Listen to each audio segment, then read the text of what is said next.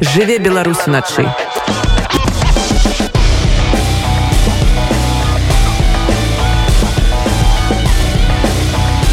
Белорусские ноцы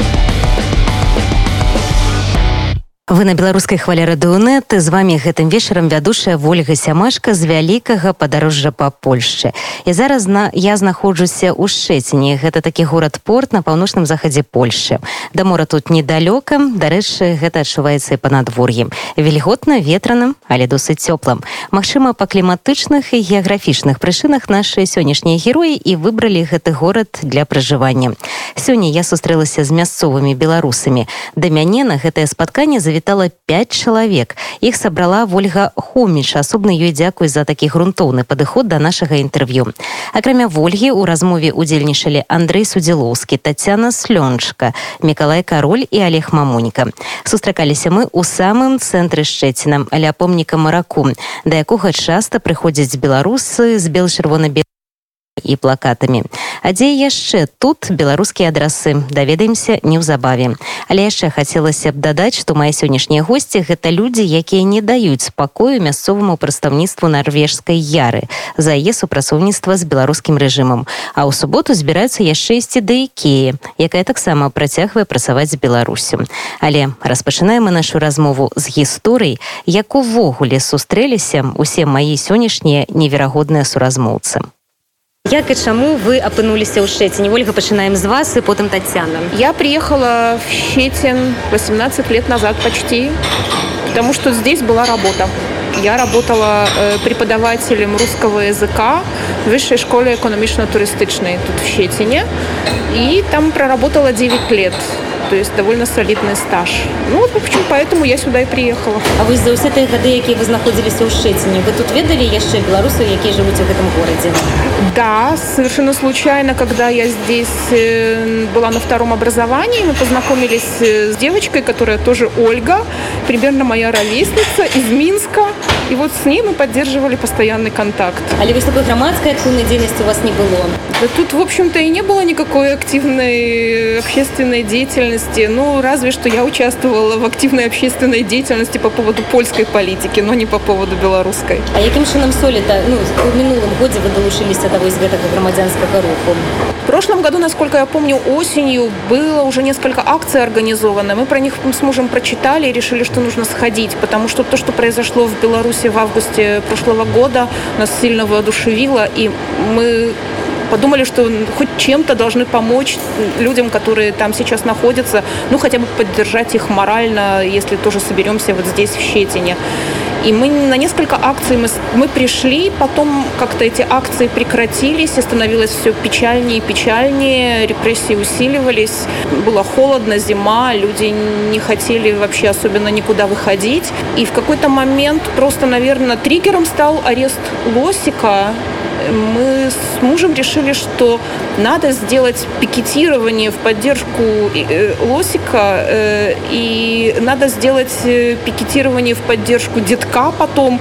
И мы просто вот вдвоем с ним, третий был ребенок наш, мы приходили к памятнику моряка, вот здесь совсем недалеко, и просили случайных прохожих или кого-то из польских знакомых, чтобы нас сфоткали и отправляли эти фотографии с плакатом в поддержку там в разные телеграм-каналы. Потом как-то совершенно непонятным для меня образом оказалось, что в наших акциях хотят участвовать большее количество людей. То есть спочатку это был такой семейный формат, да? Да, да. Мы как-то особенно никого не зазывали. Но потом через э, чат э, белорусы в Щетине мы несколько раз просто говорили, что вот мы хотим пикетировать там-то и там-то. И начали люди собираться. А, Татьяна, вы так само старожил Польши, так расскажите, каким чином вы долучились да, вы с белорусской громадской деятельности? Вообще, когда я сперва только приехала в Щетин, э, я полагала, что белорусов здесь нету вообще. Ну и, собственно, чтобы у меня появились какие-то друзья, я пошла здесь в университет просто учиться.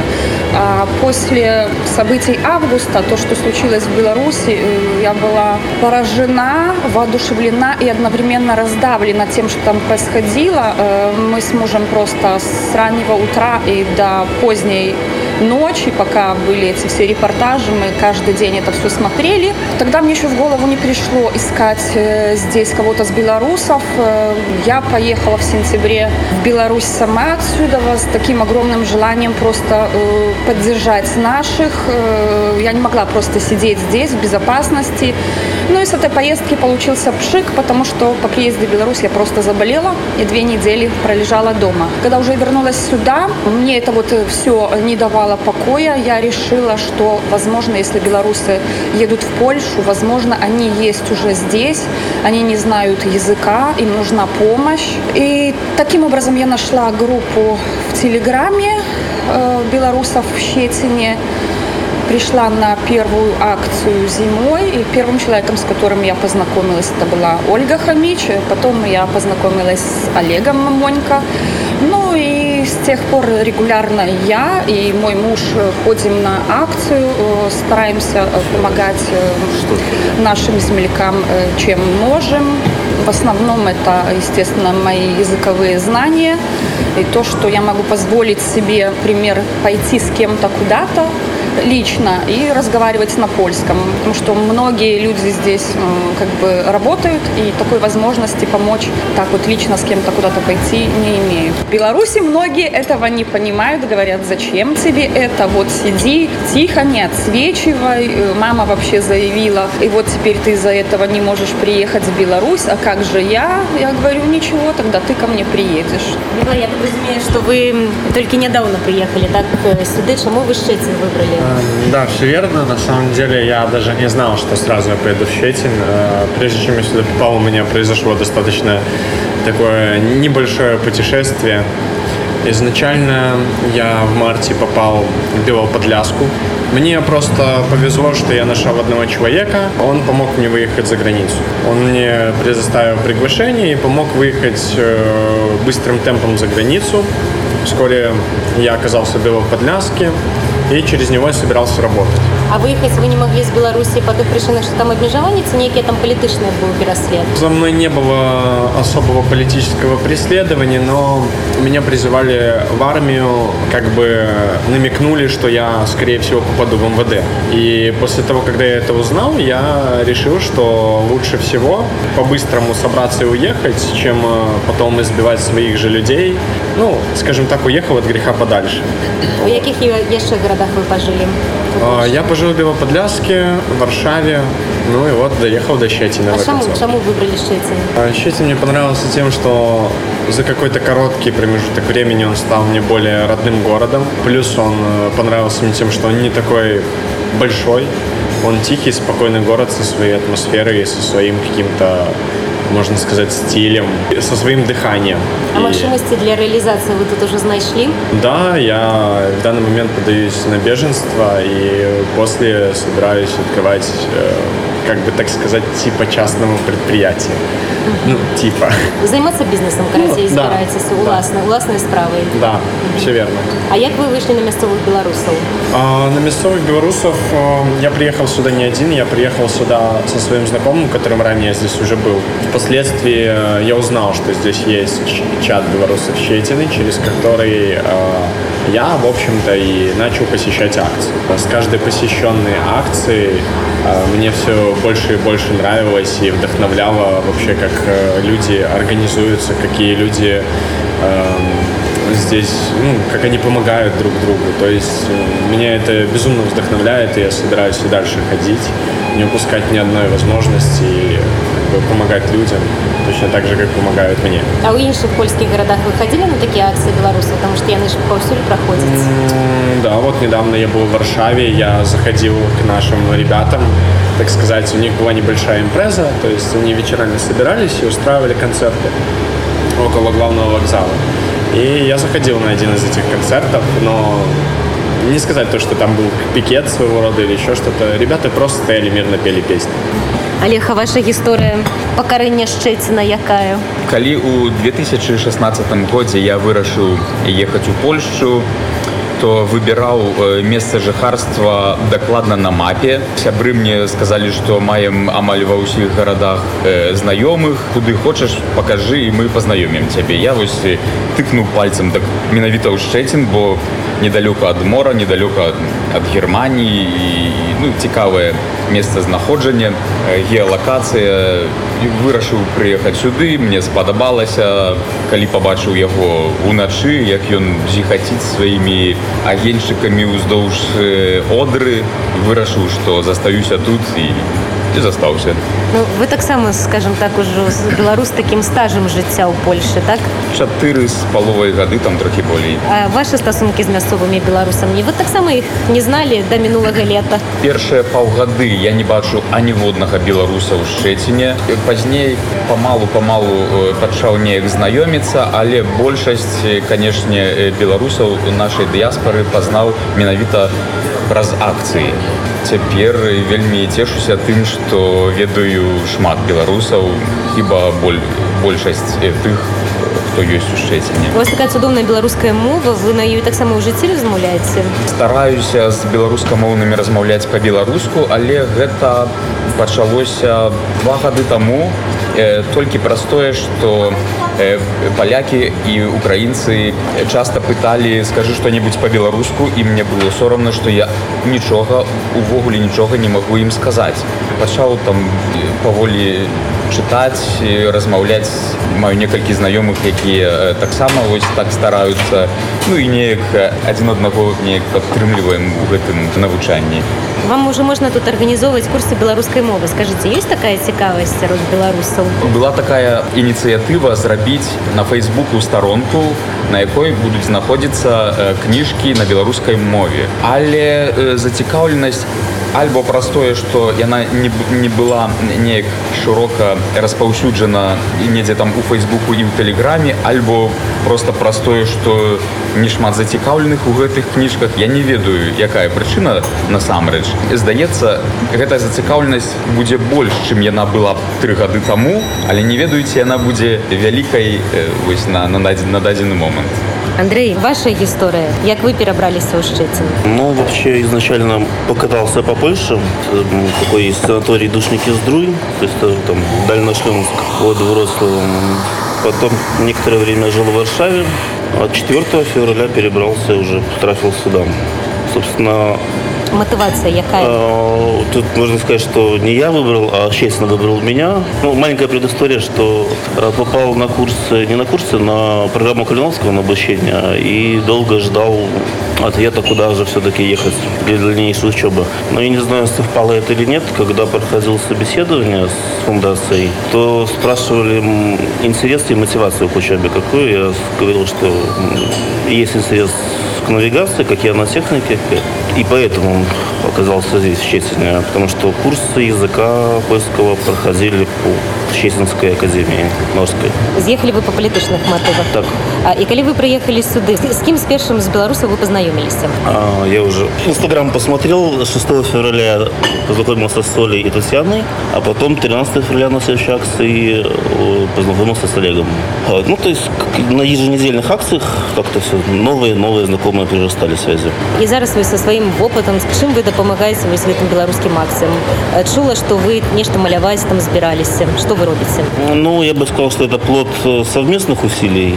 Я могу рассказать, потому что Андрей скромничает, потому что он наш художник. Он просто делает чудные плакаты. Я не знаю, каким образом у него это получается. По-моему, у него талант, которым он никогда в жизни не пользовался. Но тут я так поняла, что под воздействием всего того, что произошло в Беларуси, у нас у многих открылись какие-то вот таланты, о которых мы раньше сами не подозревали. И вот у Андрея это именно рисовать плакаты. И он так само приклал руку до герба белорусов Щетина, так? Скажите, як он вот. з'явился, так? Это наше лого «Белорусы в Щетине». На нем изображены три кранозавра, поляки их называют джвигозавры. Это такие исторические краны, которые стоят недалеко от развлекательного городка, тут лунопарка, по ту сторону Одры. И э, они очень так графически, очень красиво выглядят. И когда встал вопрос о том, что мы помещаем на флаг Щетина, я предложила, давайте кранозавры. И это предложение было поддержано. Я попросила свою подругу, которая дизайнер в Беларуси, чтобы она нам помогла и сделала вот этот вот первоначальный флаг. И она его сделала, выслала мне проект. И после этого как бы Андрей уже занимался целиком и полностью всем тем, что вот сейчас у нас есть. То есть он и сделал из этого флага и лого, и добавил к нему раз, надписи на разных языках, которые нам время от времени пригождаются. Э, теперь, в общем, наше лого уже на наших фотографиях есть, которые на акциях делается. Э, кроме того, Андрей э, создал чат специально вот для таких активных и ушибленных активностью товарищей, как мы. Чат называется Щетин 646. Если кто-то писал смс в те далекие времена, когда еще не было смартфонов, то очень часто люди пользовались вот этими циферками для того, чтобы написать БЧБ 646 БЧБ. Так что вот у нас свой протестный чат тоже имеется. И, в общем-то, все акции, которые мы планируем, которые обдумываем, мы обсуждаем там. Люди приходят, там говорят, что вот я мог бы заняться этим и этим, я могу бы заняться вот этим, предлагают свою помощь, либо спрашивают, а вот что делаем следующую, там, субботу, воскресенье. Ну, в общем, такая нормальная БЧБшная жизнь Щетина. А где совершенно разбираются белорусские активисты с Щетином? В очень разных местах. У нас нет пока что как-то своего места, где мы встречаемся постоянно. То есть мы постоянно в, в чате договариваемся и делаем объявление, что вот мы встречаемся там-то и там-то, акция будет во столько-то, вот в такое-то время, и вот приходите все желающие. Каля слынных месцин, так я бачила фотоздымки. Да, мы встречались и на валах Храбрегу возле фонтана, возле моряка были, возле памятника Мицкевича, э, возле трех орлов, на пляце Солидарности. В общем, по-моему, у нас такая очень широкая география получается вот, по итогам. А самое белорусское место Шетина, это какое? Я думаю, что пляц Солидарности. Это вот то место, которое находится недалеко от филармонии, и мы там проводим самые такие крупные наши акции. Есть еще, о, ну нет, если, например, еще смотреть с этой точки зрения, то еще есть замечательный пляц Лутников, где мы проводили День культуры, который тоже у нас хорошо получился. Я бы хотела сказать, что самое белорусское место Щетина – это однозначно то, где находимся мы. А вы это активная суполка Щетина белорусов, это кольки особ? На данный момент в чате Щетин БЧБ находится около 100 человек. 97-98. И вот, в принципе, это те люди, которые либо участвуют в каких-то политических обсуждениях, либо когда могут приходят на акции, либо по каким-то причинам не могут к нам присоединиться, потому что не хотят светить своих лиц, но сочувствуют, сопереживают, следят и не считают, что мы занимаемся чем-то никому не нужным и абсолютно бесполезным. Коли мы переходим до пикетования ярыша, як эта идея была? Просто уже не вспомним. Не вспомним уже сейчас. А коли отбылся первый пикет? Это было еще, наверное, в конце весны. Холодно было еще. Я вспомнила, как это было. Э, идея пикетировать Яру вообще исходила даже не из человека, не от человека, который находится как бы в нашем этом БЧБ-чате, э, потому что э, это была пользователь, которая сказала, что ну вот же у вас тут есть офис Яры, сделайте там пикет.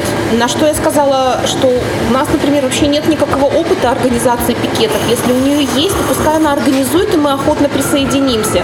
И все это уперлось в глухую стену, потому что она сказала, ну, я не организатор, я только исполнитель. И тогда пикет Яры не состоялся. А потом мы вернулись к этой идее, я уже даже сейчас не вспомню, почему мы вернулись к этой идее. И решили, что надо делать пикет Яры. И как раз в тот момент я не могла в этом принимать участие, потому что была на самоизоляции по поводу коронавируса. Так что, ну, как бы дальше я уже, пожалуй, дам слово Татьяне, пускай она расскажет, как все было. Наш первый, я бы назвала, пробным э, пикет э, Яры случился немного спонтанно, потому что, как сказала Оля, у нас опыта э, в пикетировании кого бы то и чего бы то ни было не было. Поэтому мы просто э, собрались э, группа решительно настроенных людей э, с плакатами, подошли к офису Яры, и нигде мы официально властям города не сообщали об этом.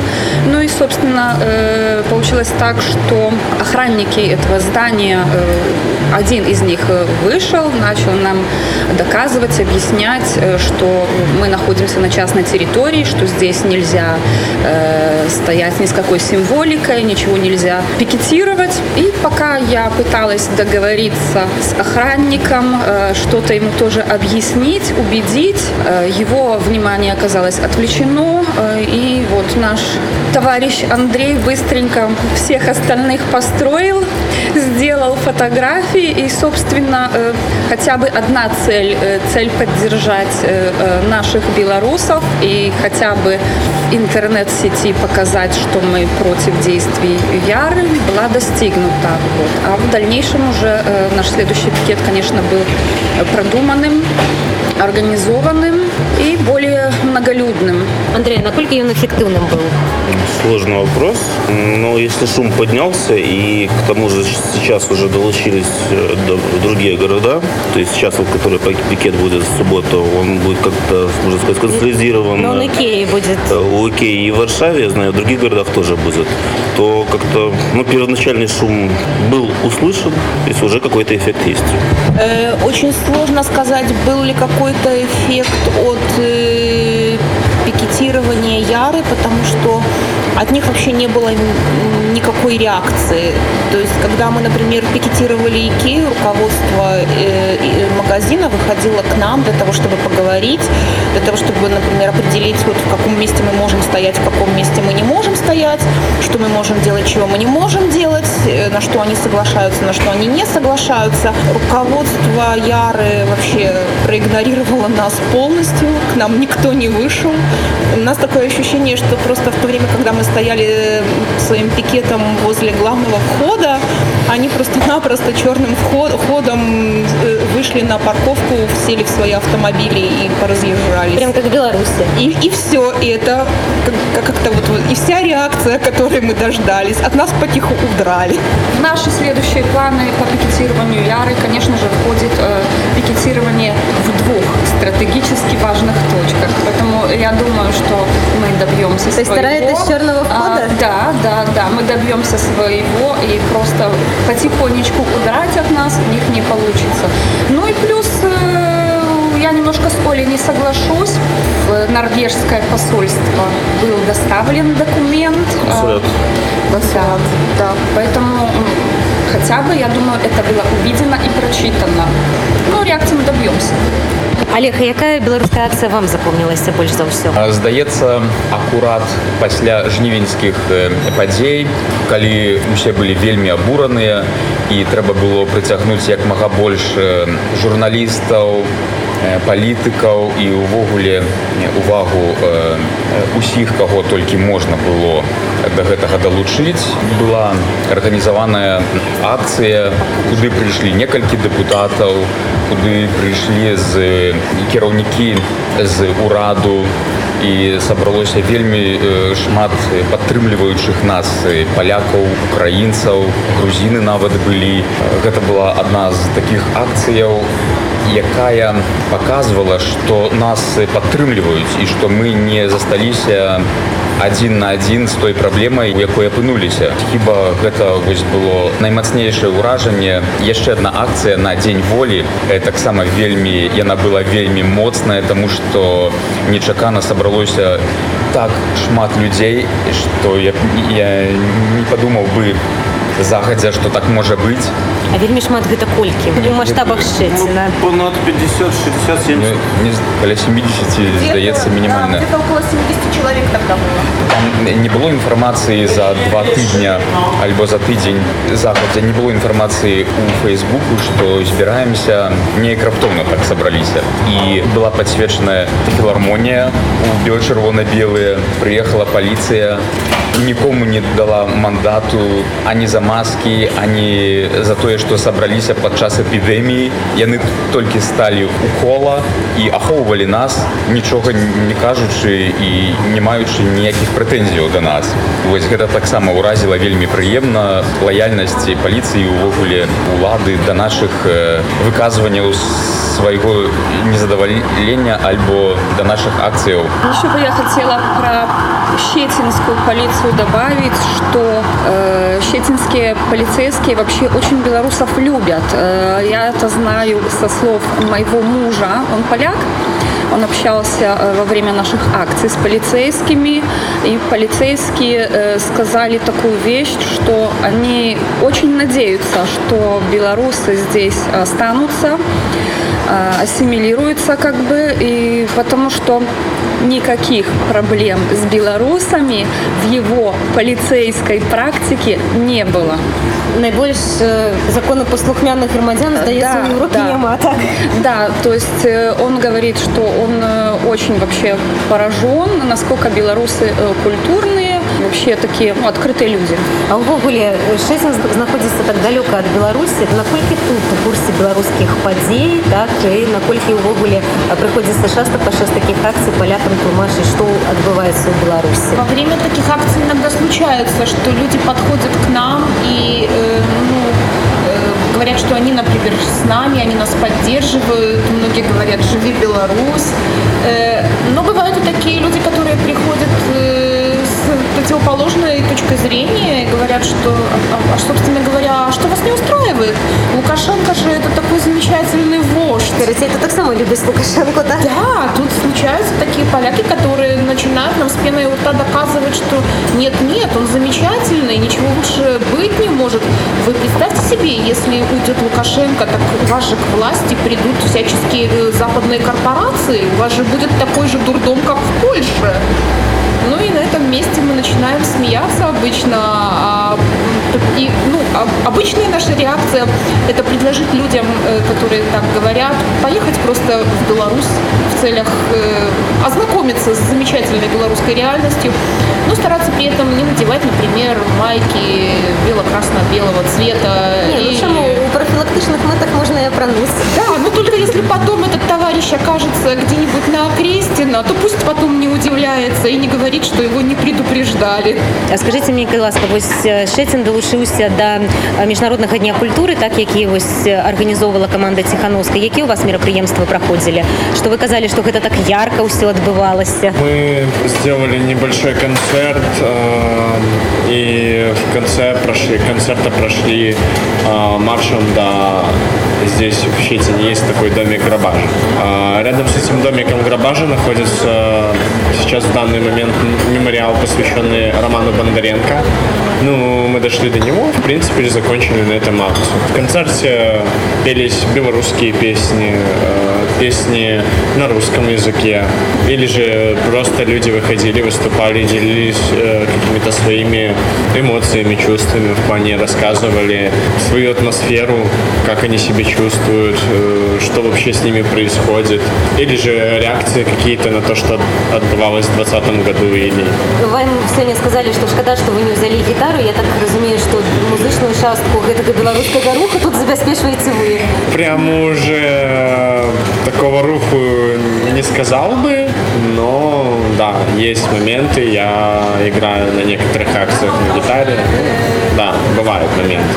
Но это не постоянно. Ну, вы уже узгадали, что тут есть мемориал Роману Бондаренко, да, а як він з'явився, і де він знаходиться? Адразу ж пасля забойства Романа э, з'явілася э, думка зрабіць мемарыял, каб людзям было куды прыйсці, скласці кветкі і ушанаваць памяць гэтага не пабаюся сказаць народнага героя аднаго з народных герояў сучаснай Беларусі.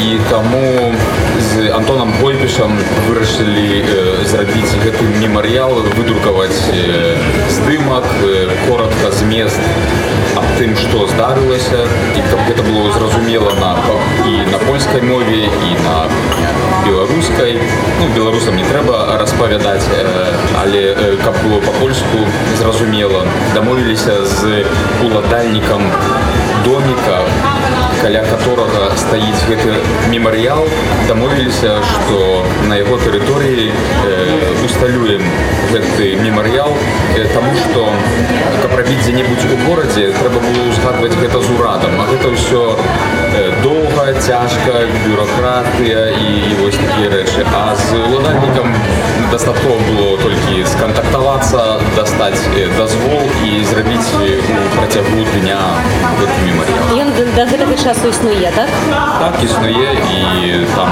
э, час ад часу прыбіраем прыходзім прыносім кветкі знічкі Татьяна, э, сказали, что вы отказаны за культурную частку. Вы хотели рассказать про те мероприятия культурные, какие в ближайший час будут. Ранее основательница отдела Польского народного музея здесь в Щетине, э, центра «Шеломы», «Переломы» предложила э, совместно э, как бы организовать дебаты именно на базе этого центра диалога. Мы, естественно, согласились, однако же это будет эм, больше в форме конференции по одной простой причине. Среди нас практически невозможно найти э, человека с мнением противоположным нашему, да, А вот, а бегать, вылавливать поляков, которые любят Лукашенко, ну, сами понимаете, почти нереально. А коли это отбудется? Э, Я вот сегодня как раз таки Оля предложила такую дату, 16 октября. А, Это такая дата, э, когда был приведен в исполнение Нюрнбергский процесс. Э, Думаю, что это будет довольно-таки символично и созвучно эм, нашим желаниям, так сказать, и стремлениям в некотором роде. И, собственно, э, само мероприятие э, будет эм, направлено в очень большой мере э, как промо белорусов вообще в Щетине. Оно будет направлено к польской аудитории. Мы все это будем проводить на польском языке. Затронем не только общую, так сказать, историю репрессий и, и в Польше, и в Беларуси, а также, конечно же, э, поговорим о э, нынешних репрессиях в Беларуси. И третья заключительная часть у нас будет эм, что-то вроде дебатов уже, а не конференции. Будут э, белорусы контра Твиттер, скорее всего, контра любителей Лукашенко на Твиттере среди польской аудитории. Что мой муж активно на Твиттере воюет э, с такими вот любителями э, Лукашенко в троллями, Польше. да? Да, и мы решили так, что он э, наиболее каверзные, так сказать, вопросы и цитаты соберет с Твиттера, и мы уже э, будем эм, оппонентов твиттерных э, переубеждать, объяснять, почему они неправы и в чем они ошибаются. Ну, естественно, это все будет транслироваться онлайн. Естественно, потом э, э, мой муж это все э, закинет на Твиттер. Вот и пусть, значит, э, любители Лукашенко послушают. А Может как- быть, поменяют свое решение. А какой-нибудь из белорусских политиков, які ў Польше зараз сядзяць, вы збіраецесь запрашаць до гэтай дыскусіі ці не? Насчет политиков мы еще не, не задумывались, однако, вот я, кстати, еще э, не предупредила никого. Появилась э, такая идея, что э, есть такой э, поляк, музыкант, э, который на польском языке написал и исполнил песню, посвященную Беларуси и тому, что на Беларуси э, как бы происходит. И вот появилась такая мысль написать ему вопрос такой, можно ли будет использовать э, его песню с видеоклипом нашей конференции. И, возможно, он согласится, если не приехать сюда к нам, то хотя бы записать короткое видеообращение Скажите, кай ласка, для тых беларусаў, якія зараз прыязджаюць у Шэцін, дзе шукаць беларускую суполку, як з вами звязацца і якую вось яшчэ дапамогу, ну, да прыкладу, там некага гуманітарнага кшталту, з жыллём дапамогу, ці там уладкаваннем дзяцей а куды-небудзь у дзіцячыя садкі ці школы можна знайсці.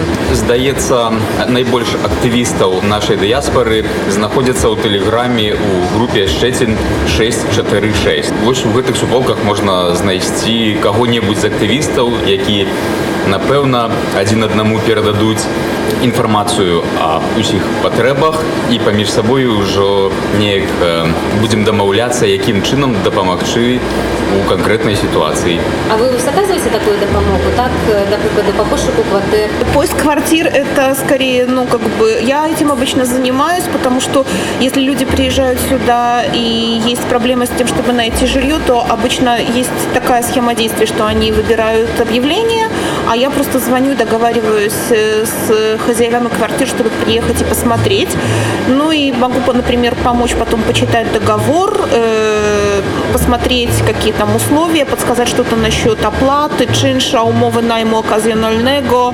Э, ну вот вот такие чисто практические вещи с которыми белорусы которые жили в беларуси и в польшу никогда раньше не выезжали перед этим они просто не сталкивались они не знают этих реалий. Ну общем, как бы обычно то, что касается поиска жилья, я беру на себя. Если кому-то вот нужна именно такого рода помощь, то я стараюсь э, вызываться и говорить, что пишите в личку там, в Телеграме, я буду помогать, если вам нужна такая помощь.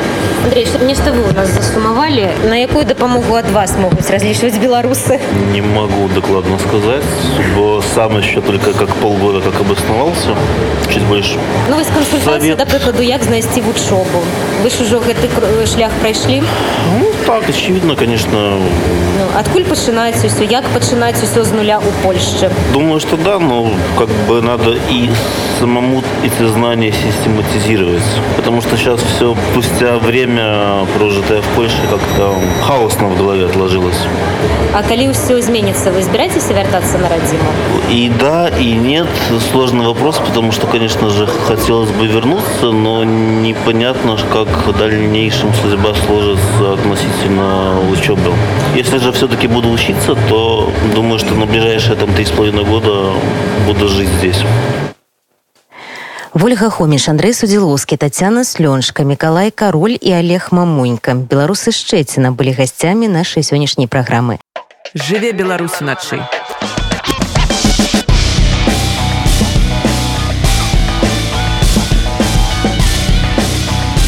Беларускія ноцы.